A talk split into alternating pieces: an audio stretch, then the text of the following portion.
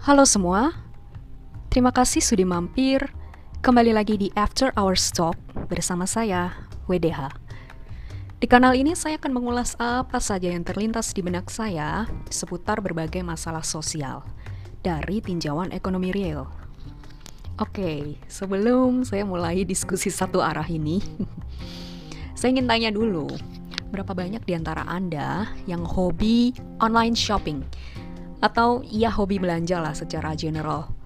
Atau kalaupun nggak hobi, pastinya lakukan kegiatan spending. Apa pun itu, membeli barang, produk manufaktur. Nah, sering nggak kalian atau Anda melihat label dari produk yang Anda beli?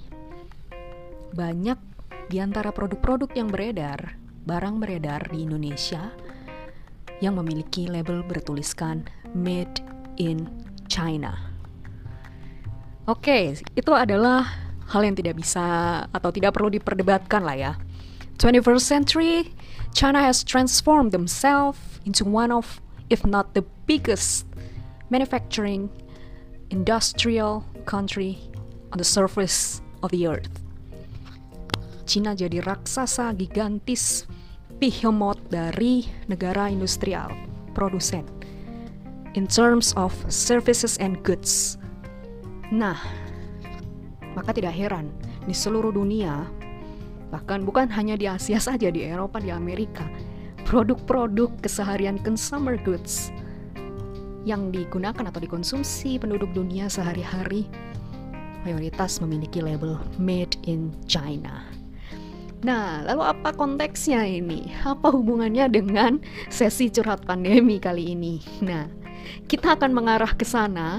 Perlahan-lahan kita akan mengarah ke sana, tapi saya ingin membahas dulu ini tentang China dan kekuatan ajaibnya dalam mengubah konstelasi dunia.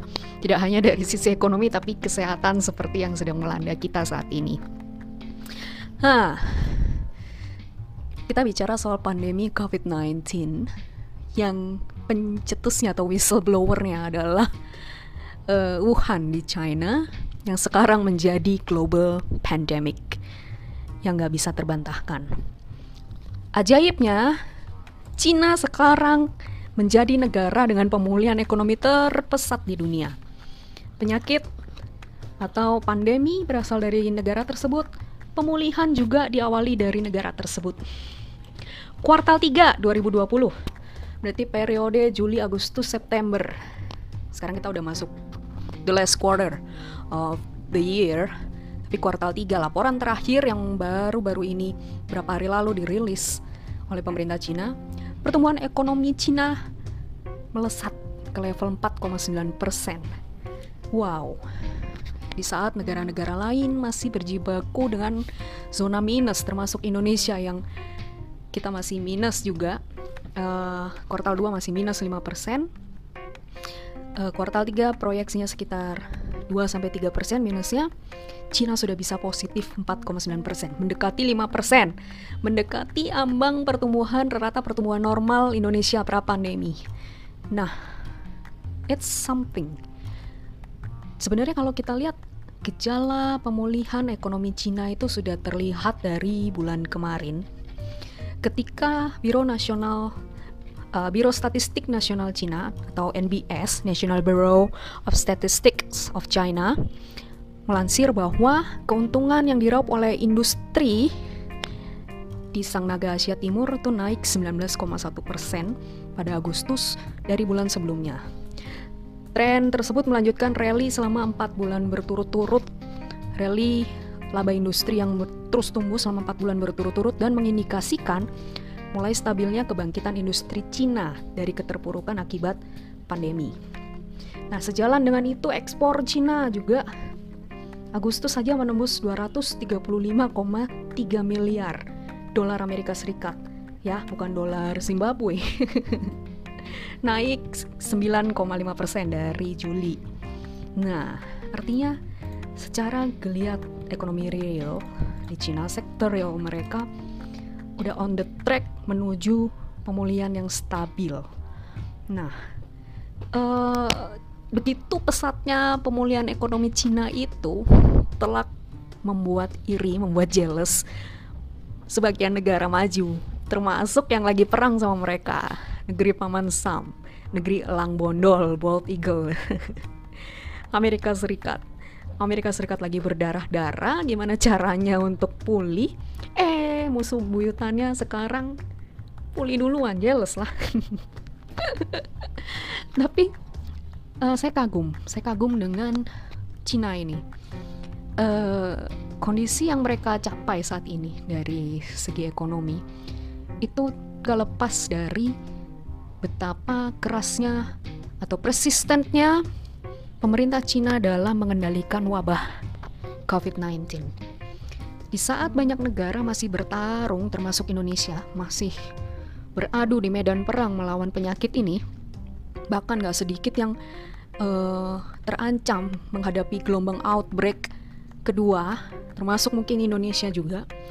Cina malah membuat banyak negara itu ternganga. Wow, lo bisa ya laju pertumbuhan positif nggak nggak cuma satu dua persen tapi langsung mendekati lima persen. Nah meskipun ya itu capaian 4,9% itu masih lebih lambat dari perkiraan banyak instansi ekonom dan analis, tapi tetap aja it's something. Reboundnya Cina drastis di penghujung tahun mendekati kuartal keempat ini. Nah, uh, apa namanya?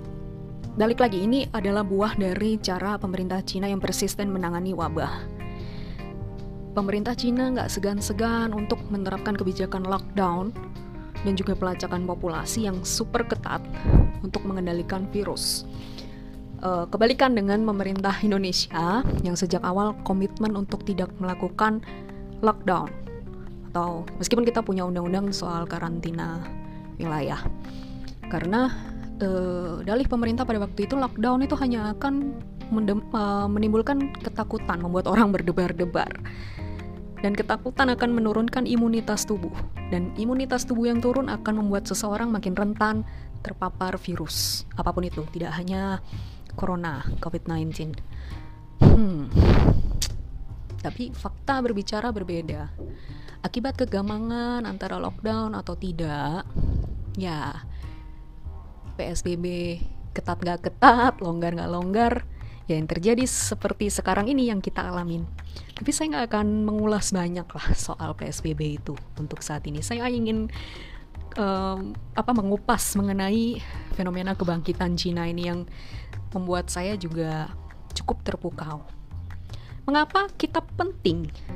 Apa hubungannya sama Indonesia? Kenapa kok WDH begitu concern dengan kebangkitan atau gejala kebangkitan ekonomi Cina ini? China. Oke, jika Anda tidak tahu, peran ekonomi Cina terhadap sektor real di Indonesia, ekonomi real, itu nomor satu dibandingkan dengan negara mitra lainnya. Jadi, uh, ini sekadar konteks, barangkali ada yang belum tahu. Indonesia membagi mitra dagangnya menjadi dua, satu mitra tradisional, dua mitra non-tradisional. Mitra tradisional itu termasuk salah satunya Cina, Amerika Serikat, Asia Tenggara, negara-negara ASEAN, Australia, terus habis itu Eropa. Lima region itu. Dan di antara uh, eh, dan mitra-mitra tradisional ini yang perannya terhadap perdagangan barang dan jasa Indonesia dengan Indonesia itu yang paling besar. Di luar itu namanya mitra-mitra non-tradisional, emerging markets. Timur Tengah, Afrika, uh, Asia Tengah, Asia Selatan dan sebagainya, Amerika Latina. Itu mitra-mitra non-tradisional.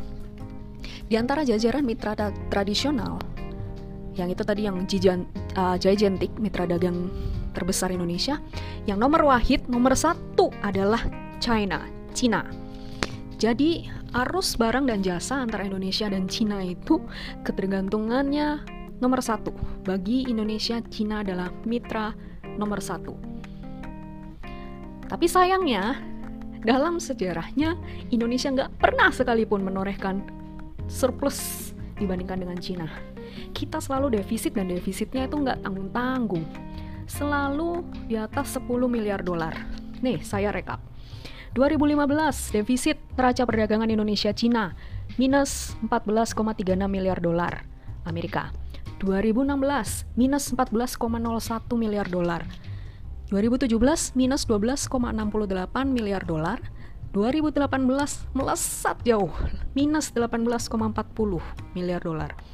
2019 tahun lalu agak turun tapi tetap di level tinggi, di tataran tinggi minus 16,98 miliar dolar. Oke. Nah, sampai dengan Agustus, Januari Agustus, neraca perdagangan kita dengan Cina minusnya 7 miliar dolar. Jadi nggak pernah sekalipun kita menorehkan uh, surplus dengan Cina. Dia negara mitra nomor satu tapi kita selalu defisit. Dengan Amerika saja sih kita selalu surplus. Dengan Cina kita tidak pernah dan defisitnya selalu gila-gilaan angkanya. Artinya apa? Artinya gelombang impor ke dari Cina ke Indonesia jauh lebih tinggi ketimbang ekspor kita ke Cina. Nah kalau kita perhatikan lagi berdasarkan kelompok barang antara yang kita ekspor ke Cina dibandingkan yang kita impor ke Cina itu juga nggak berbanding lurus. Kita itu mengekspor ke Cina barang-barang rata-rata itu raw material. Jadi kayak CPO perikanan jadi bahan mentah untuk bahan baku industri mereka untuk mereka olah menjadi uh, produk jadi jadi bukan produk-produk bernilai tambah yang kita ekspor ke Cina. Sebaliknya yang kita impor dari Cina kebanyakan adalah barang konsumsi yang sudah ada added value-nya, udah bernilai tambah. Jadi bukan barang mentah. Tetapi bukan hanya barang konsumsi, kita juga sangat-sangat ketergantungan dengan impor bahan baku dari Cina. Industri di Indonesia itu uh, pelaku usaha menilai bahwa beli barang uh, barang modal dan bahan baku dari Cina untuk kepentingan industri di Indonesia itu untuk kepentingan produksi itu lebih murah lebih murah jika beli dari Cina ketimbang beli dari dalam negeri. Begitu. Lebih murah dan tak jarang juga kualitasnya lebih bagus. Ya akhirnya itu tadi banyaklah kita mengimpor dari Cina dalam bentuk bahan baku iya barang modal iya bahan penolong iya konsumsi juga iya Gak ada satu lini pun, satu kelompok barang pun yang luput dari ketergantungan impor dari negeri panda. Nah, apa kaitannya sekarang dengan kebangkitan ekonomi Cina tadi? Nah, jadi diam-diam para pelaku usaha di tanah air melihat tren data positif perekonomian Cina, pertumbuhan PDB, pertumbuhan industri, pertumbuhan ekspor yang trennya terus positif beberapa bulan terakhir selama kuartal 3, pengusaha di Indonesia mulai merapatkan barisan sudah mulai pasang pagar betis tipis-tipis untuk menghadapi atau mengantisipasi dampak negatif dari pemulihan industri Cina. Kenapa? Nah, karena sebagian dari pelaku usaha bahkan pemerintah sendiri ketir-ketir dengan potensi serbuan barang dumping dari Cina. Tapi ada juga yang ketir-ketir jangan-jangan nih kalau misalnya Cina udah bangkit, pemerintah takut nanti barang dumping masuk, nanti malah restriktif dengan barang impor Cina. Jadi ada dua standpoint di sini. Nah, jadi ada satu kubu yang menilai bahwa atau mensinyalir bahwa pemulihan industri Cina, eh pemulihan ekonomi Cina akan berbanding lurus dengan praktik perdagangan tidak sehat Permasalahannya Cina kan tadi saya bilang, dia mitra dagang nomor wahid bagi Indonesia. Jadi uh, pelaku industri misalnya dari sektor pertekstilan, tekstil dan produk tekstil (TPT), eh, mereka selama ini uh, sektor industrinya itu diberondong habis-habisan dengan bahan baku dari Cina, padahal kita bisa memproduksi sendiri. Pemerintah sudah memberi safeguard, sudah memberi bea masuk tindak pengamanan, tapi dinilai belum cukup mempan atau belum cukup efektif untuk membendung serbuan impor uh, bahan baku pertekstilan untuk Indonesia. Jadi, uh, menurut pelaku industri di sektor tersebut, selain memberikan instrumen tarif seperti safeguard itu tadi, mereka minta supaya pemerintah itu mengha, apa, menerapkan hambatan non tarif yang lebih tegas. Misalnya, hambatan non tarif itu yang nggak berhubungan dengan bea-beaan dan pajak-pajakan yang gak berhubungan dengan pungutan, tapi yang bentuknya lebih soft. Misal, mewajibkan produk Cina menggunakan label bahasa Indonesia.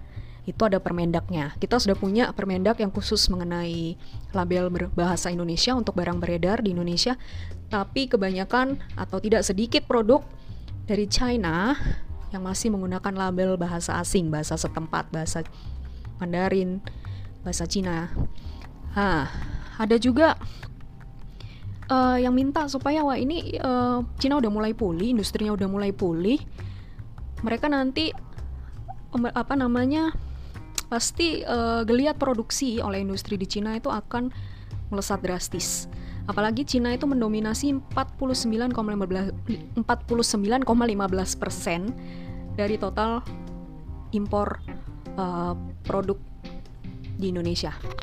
Jadi uh, selain tadi uh, industri pertekstilan, industri lain yang juga merasa terganggu itu industri elektronik. Kayak misalnya AC, produk AC misalnya. Didominasi oleh produk-produk buatan Cina, padahal kita bisa memproduksi sendiri.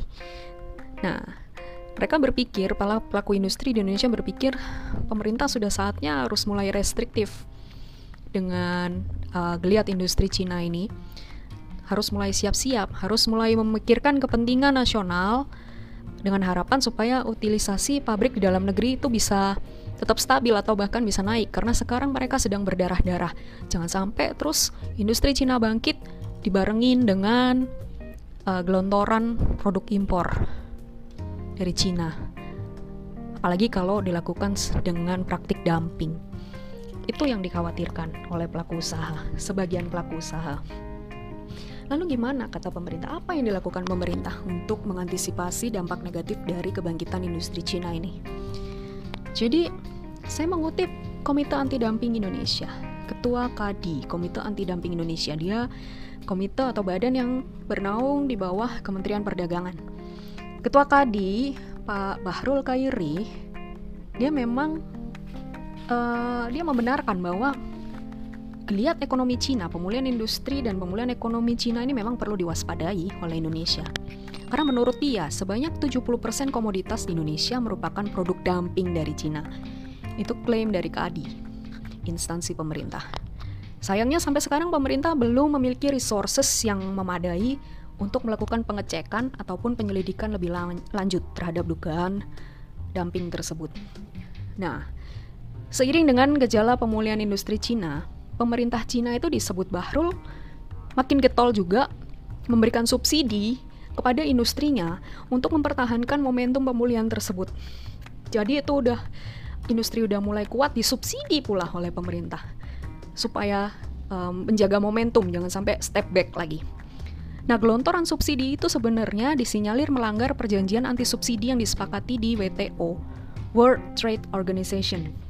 Nah, misalnya soal Bentuk subsidinya nih misalnya soal pemberian potongan harga atau rebate untuk ekspor dengan kisaran 13% sampai 15% kepada pengusaha di dalam negeri Cina. Terus ada juga stimulus pengembalian pajak pertambahan nilai yang juga itu diberikan dan bisa menjadi ancaman terhadap industri di Indonesia.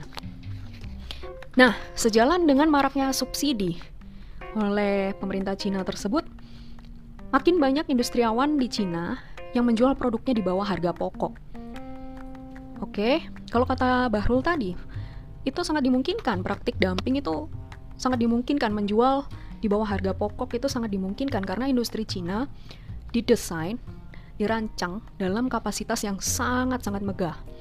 Bukan lagi jumbo tapi megah, super. Dan desain didesain sejak awal didesain untuk menguasai pasar dunia. Seperti saya bilang tadi, China is a behemoth.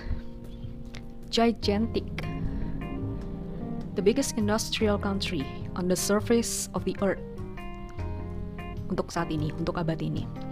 Jadi itu yang terjadi memang. Itu yang menjelaskan mengapa mereka sangat bisa menjual lebih murah bahkan di bawah harga bahan baku. Kan aneh. Sudah dapat subsidi, melakukan dumping, praktis yang dilakukan e, berarti kan kapasitas produksi juga besar yang dilakukan ketika mereka berhasil produksi massal gimana caranya itu barang keserap semua buang. Nah, itu kenapa dumping namanya. Buang lah, nggak apa-apa udah. Jual di bawah harga pokok nggak apa-apa. Yang penting cash flow lancar. Des, des, des, sudah. Termasuk Indonesia sasaran empuk bagi mereka. Karena kita punya market size yang besar. Dengan jumlah penduduk salah satu yang terbesar terbesar ke 4 atau 5 di dunia praktis ini pangsa pasar yang empuk. Buat banjir produk impor dari Cina. Nah untuk mengantisipasi banjir produk impor itu sejalan dengan pemulihan ekonomi dan industri Cina pemerintah ini kalau kata Barul dia bilang pemerintah mulai mempertimbangkan untuk menaikkan bea masuk bagi sejumlah barang dari Cina Nah, sekarang aja tahun ini aja sebenarnya Kementerian Perdagangan itu sudah melayangkan pranotifikasi dugaan dumping untuk dua produk Cina. Jadi tadi katanya kan klaimnya 70% komoditas yang ada di Indonesia itu produk dumping dari Cina. Meskipun itu klaim dan tudingan karena pemerintah nggak punya resources yang cukup untuk membuktikan. Dari jumlah yang segitu banyaknya hanya dua yang bisa dibuktikan oleh pemerintah Indonesia untuk sementara bahwa itu adalah barang dumping. Apa itu? Pertama lysin, produk lisina, barang kimia dia. Untuk campuran pupuk biasanya, untuk campuran mamin. Terus yang kedua, produk baja, HCR alloy, baja paduan gulungan canai panas. Jadi itu sepanjang 2020 hanya dua itu yang bisa dibuktikan oleh Indonesia uh, dugaan dumpingnya.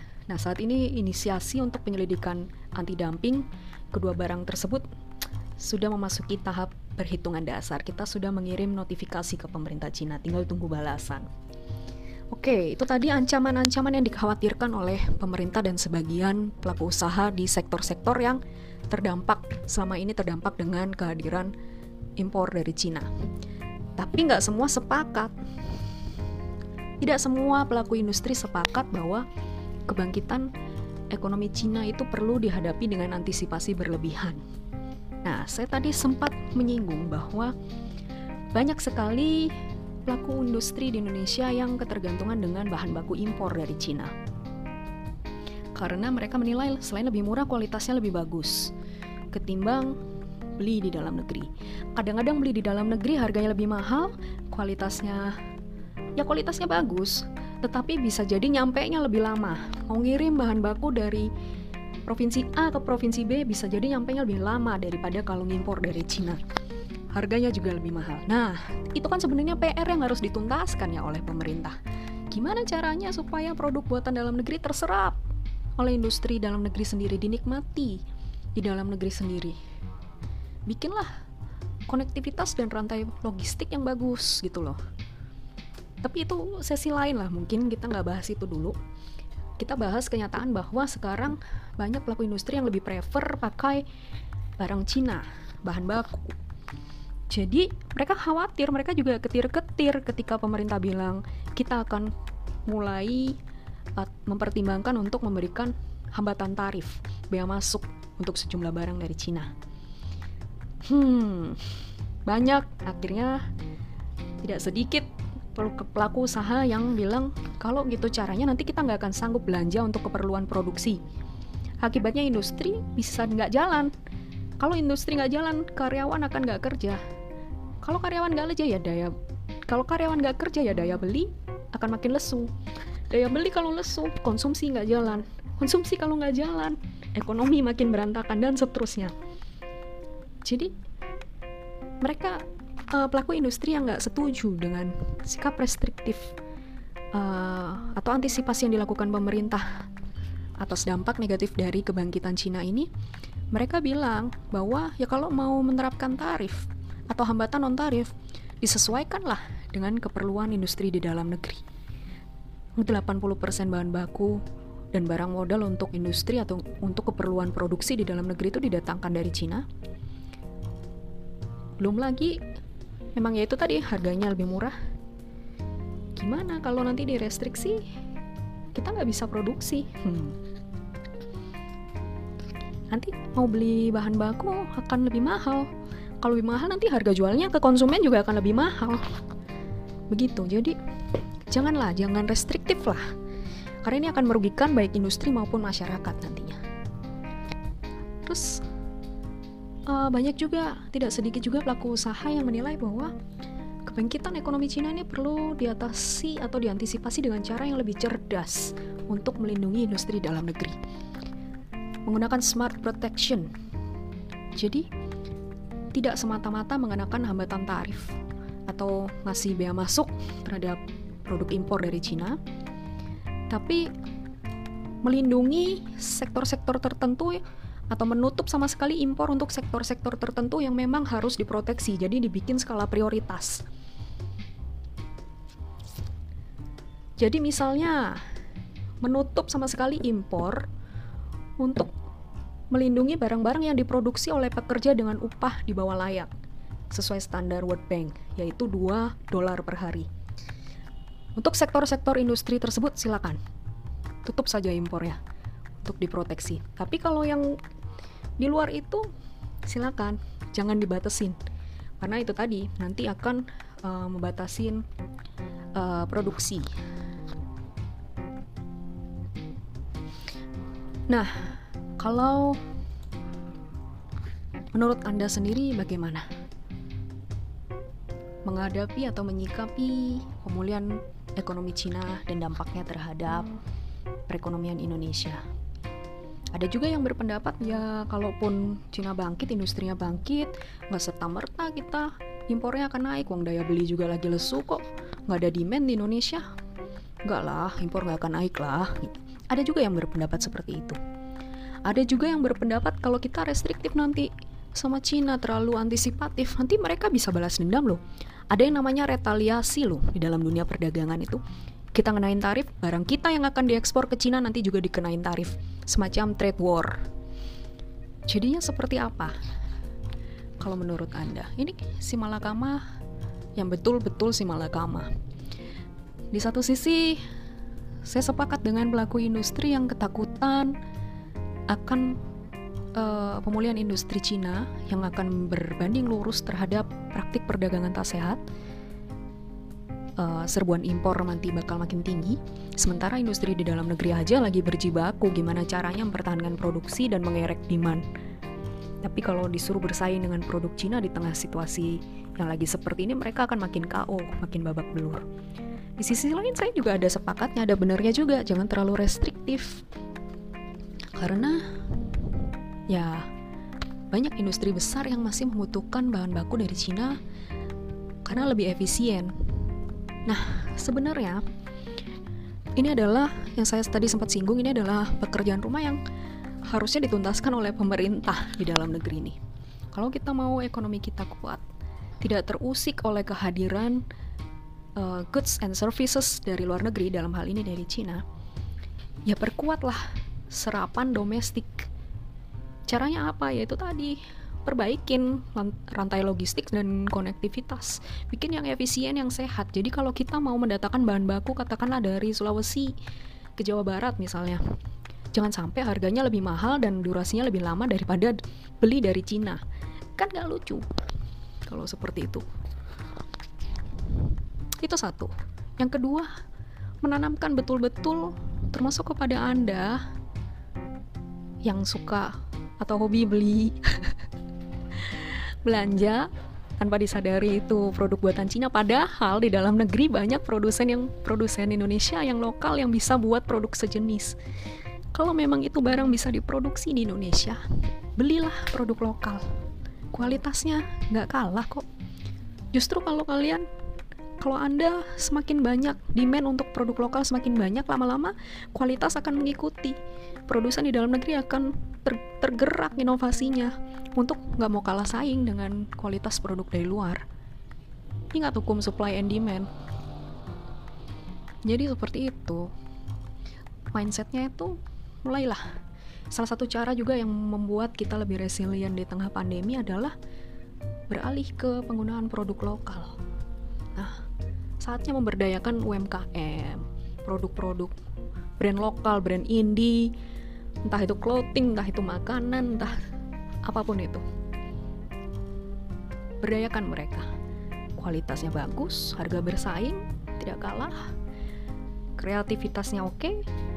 Kenapa harus beli dari luar? Itu. Jadi saya ingin tahu pendapat Anda kira-kira seperti apa, bagaimana kita seharusnya menyikapi kebangkitan ekonomi dari Cina Apakah ini adalah hal yang berfaedah bagi kita atau unfaedah atau berfaedah dengan catatan. Nah, sampai di sini dulu pertemuan kita kali ini. Jangan lupa, After Hours Talk akan selalu update tiap malam pada penghujung hari. Silakan subscribe jika Anda menikmati kanal saya. Sampai jumpa di lain kesempatan. Dadah.